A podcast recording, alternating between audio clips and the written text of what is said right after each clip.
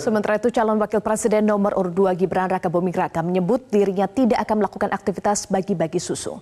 Hal ini dilakukannya menyusul keputusan Bawaslu Jakarta Pusat atas dirinya yang dinilai pelanggaran kampanye.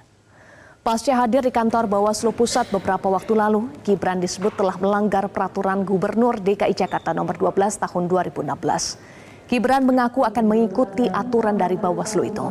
Sebelumnya Bawaslu DKI Jakarta Pusat telah mengkaji dugaan adanya unsur kegiatan untuk kepentingan politik yang melibatkan caleg dan cawapres saat hari bebas kendaraan beberapa waktu lalu. Ketiga, Sasi.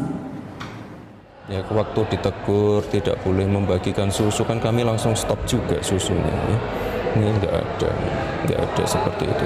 Makanya saya tanya, bansosnya di mana, berupa apa, diberikan ke siapa, ya itu monggo. Nanti kita ngikuti aturan dari Bawaslu ya.